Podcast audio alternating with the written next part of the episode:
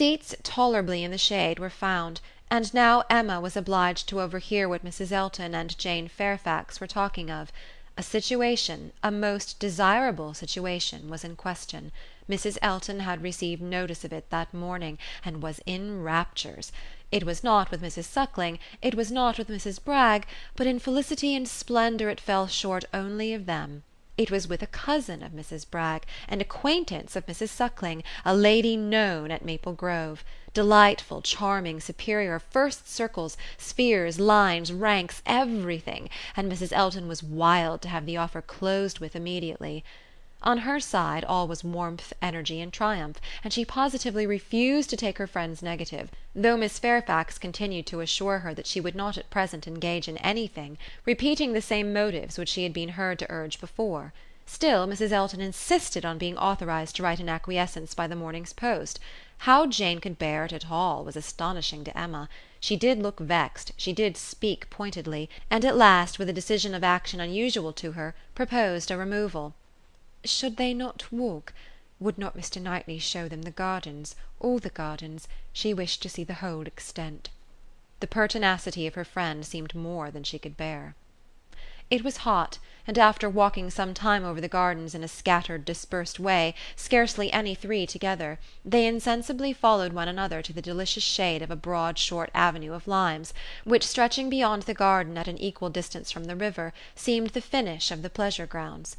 It led to nothing, nothing but a view at the end over a low stone wall with high pillars, which seemed intended, in their erection, to give the appearance of an approach to the house, which never had been there.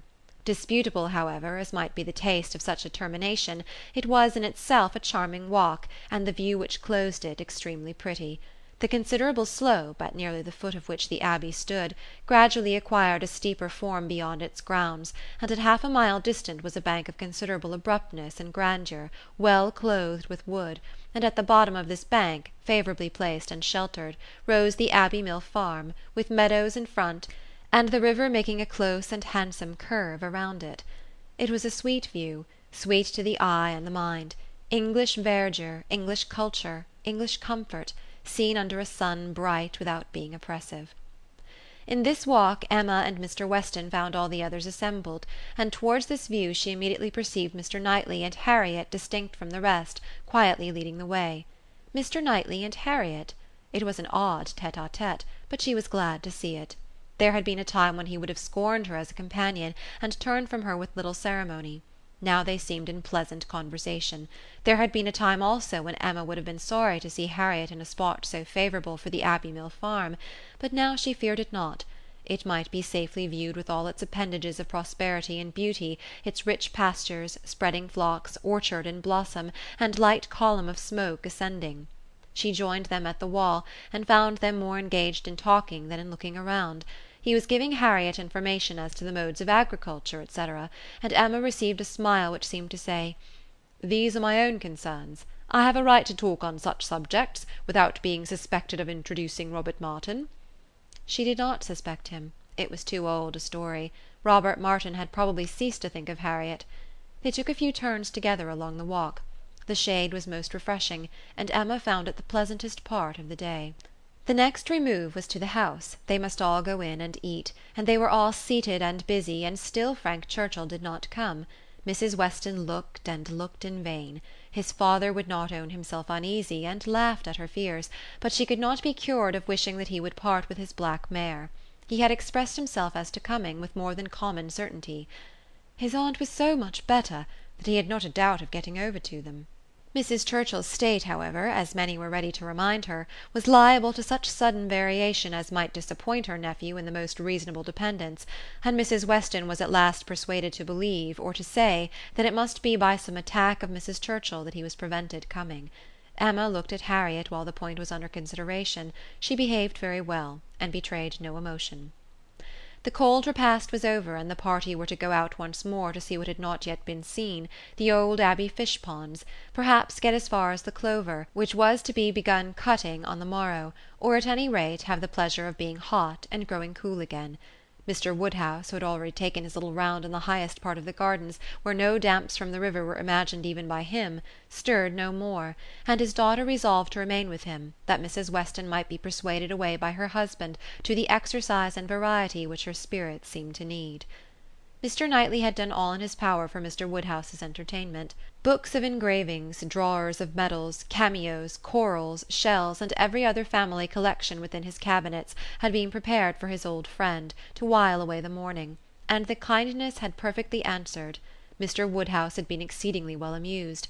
Mrs. Weston had been showing them all to him, and now he would show them all to Emma, fortunate in having no other resemblance to a child than in a total want of taste for what he saw for he was slow, constant, and methodical. Before this second looking over was begun, however, Emma walked into the hall for the sake of a few moments' free observation of the entrance and ground plot of the house, and was hardly there when Jane Fairfax appeared, coming quickly in from the garden and with a look of escape. Little expecting to meet Miss Woodhouse so soon, there was a start at first, but Miss Woodhouse was the very person she was in quest of. "Will you be so kind," said she, when I am missed as to say that I am gone home, I am going this moment. My aunt is not aware how late it is, nor how long we have been absent; but I am sure we shall be wanted, and I am determined to go directly. I have said nothing about it to anybody. It would only be giving trouble and distress. Some are gone to the ponds and some to the lime walk. Till they all come in I shall not be missed, and when they do, will you have the goodness to say that I am gone?" "Certainly, if you wish it. But you are not going to walk to Highbury alone?" "Yes. What should hurt me? I walk fast. I shall be at home in twenty minutes." "But it is too far, indeed it is, to be walking quite alone. Let my father's servant go with you. Let me order the carriage. It can be round in five minutes." "Thank you, thank you, but on no account. I would rather walk. And for me to be afraid of walking alone I who may so soon have to guard others!" She spoke with great agitation, and Emma very feelingly replied: "That can be no reason for your being exposed to danger now. I must order the carriage. The heat even would be danger. You are fatigued already." "I am," she answered, "I am fatigued; but it is not the sort of fatigue quick walking will refresh me. Miss Woodhouse, we all know at times what it is to be wearied in spirits. Mine, I confess, are exhausted. The greatest kindness you can show me will be to let me have my own way, and only say that I am gone when it is necessary." Emma had not another word to oppose; she saw it all, and entering into her feelings, promoted her quitting the house immediately, and watched her safely off with the zeal of a friend. Her parting look was grateful, and her parting words, "Oh, Miss Woodhouse, the comfort of being sometimes alone!" Seemed to burst from an overcharged heart, and to describe somewhat of the continual endurance to be practised by her even towards some of those who loved her best. "Such a home indeed! Such an aunt!" said Emma as she turned back into the hall again. "I do pity you; and the more sensibility you betray of their just horrors, the more I shall like you. Jane had not been gone a quarter of an hour, and they had only accomplished some views of St. Mark's Place, Venice, when Frank Churchill entered the room. Emma had not been thinking of him; she had forgotten to think of him, but she was very glad to see him. Mrs. Weston would be at ease. The black mare was blameless; they were right who had named Mrs. Churchill as the cause.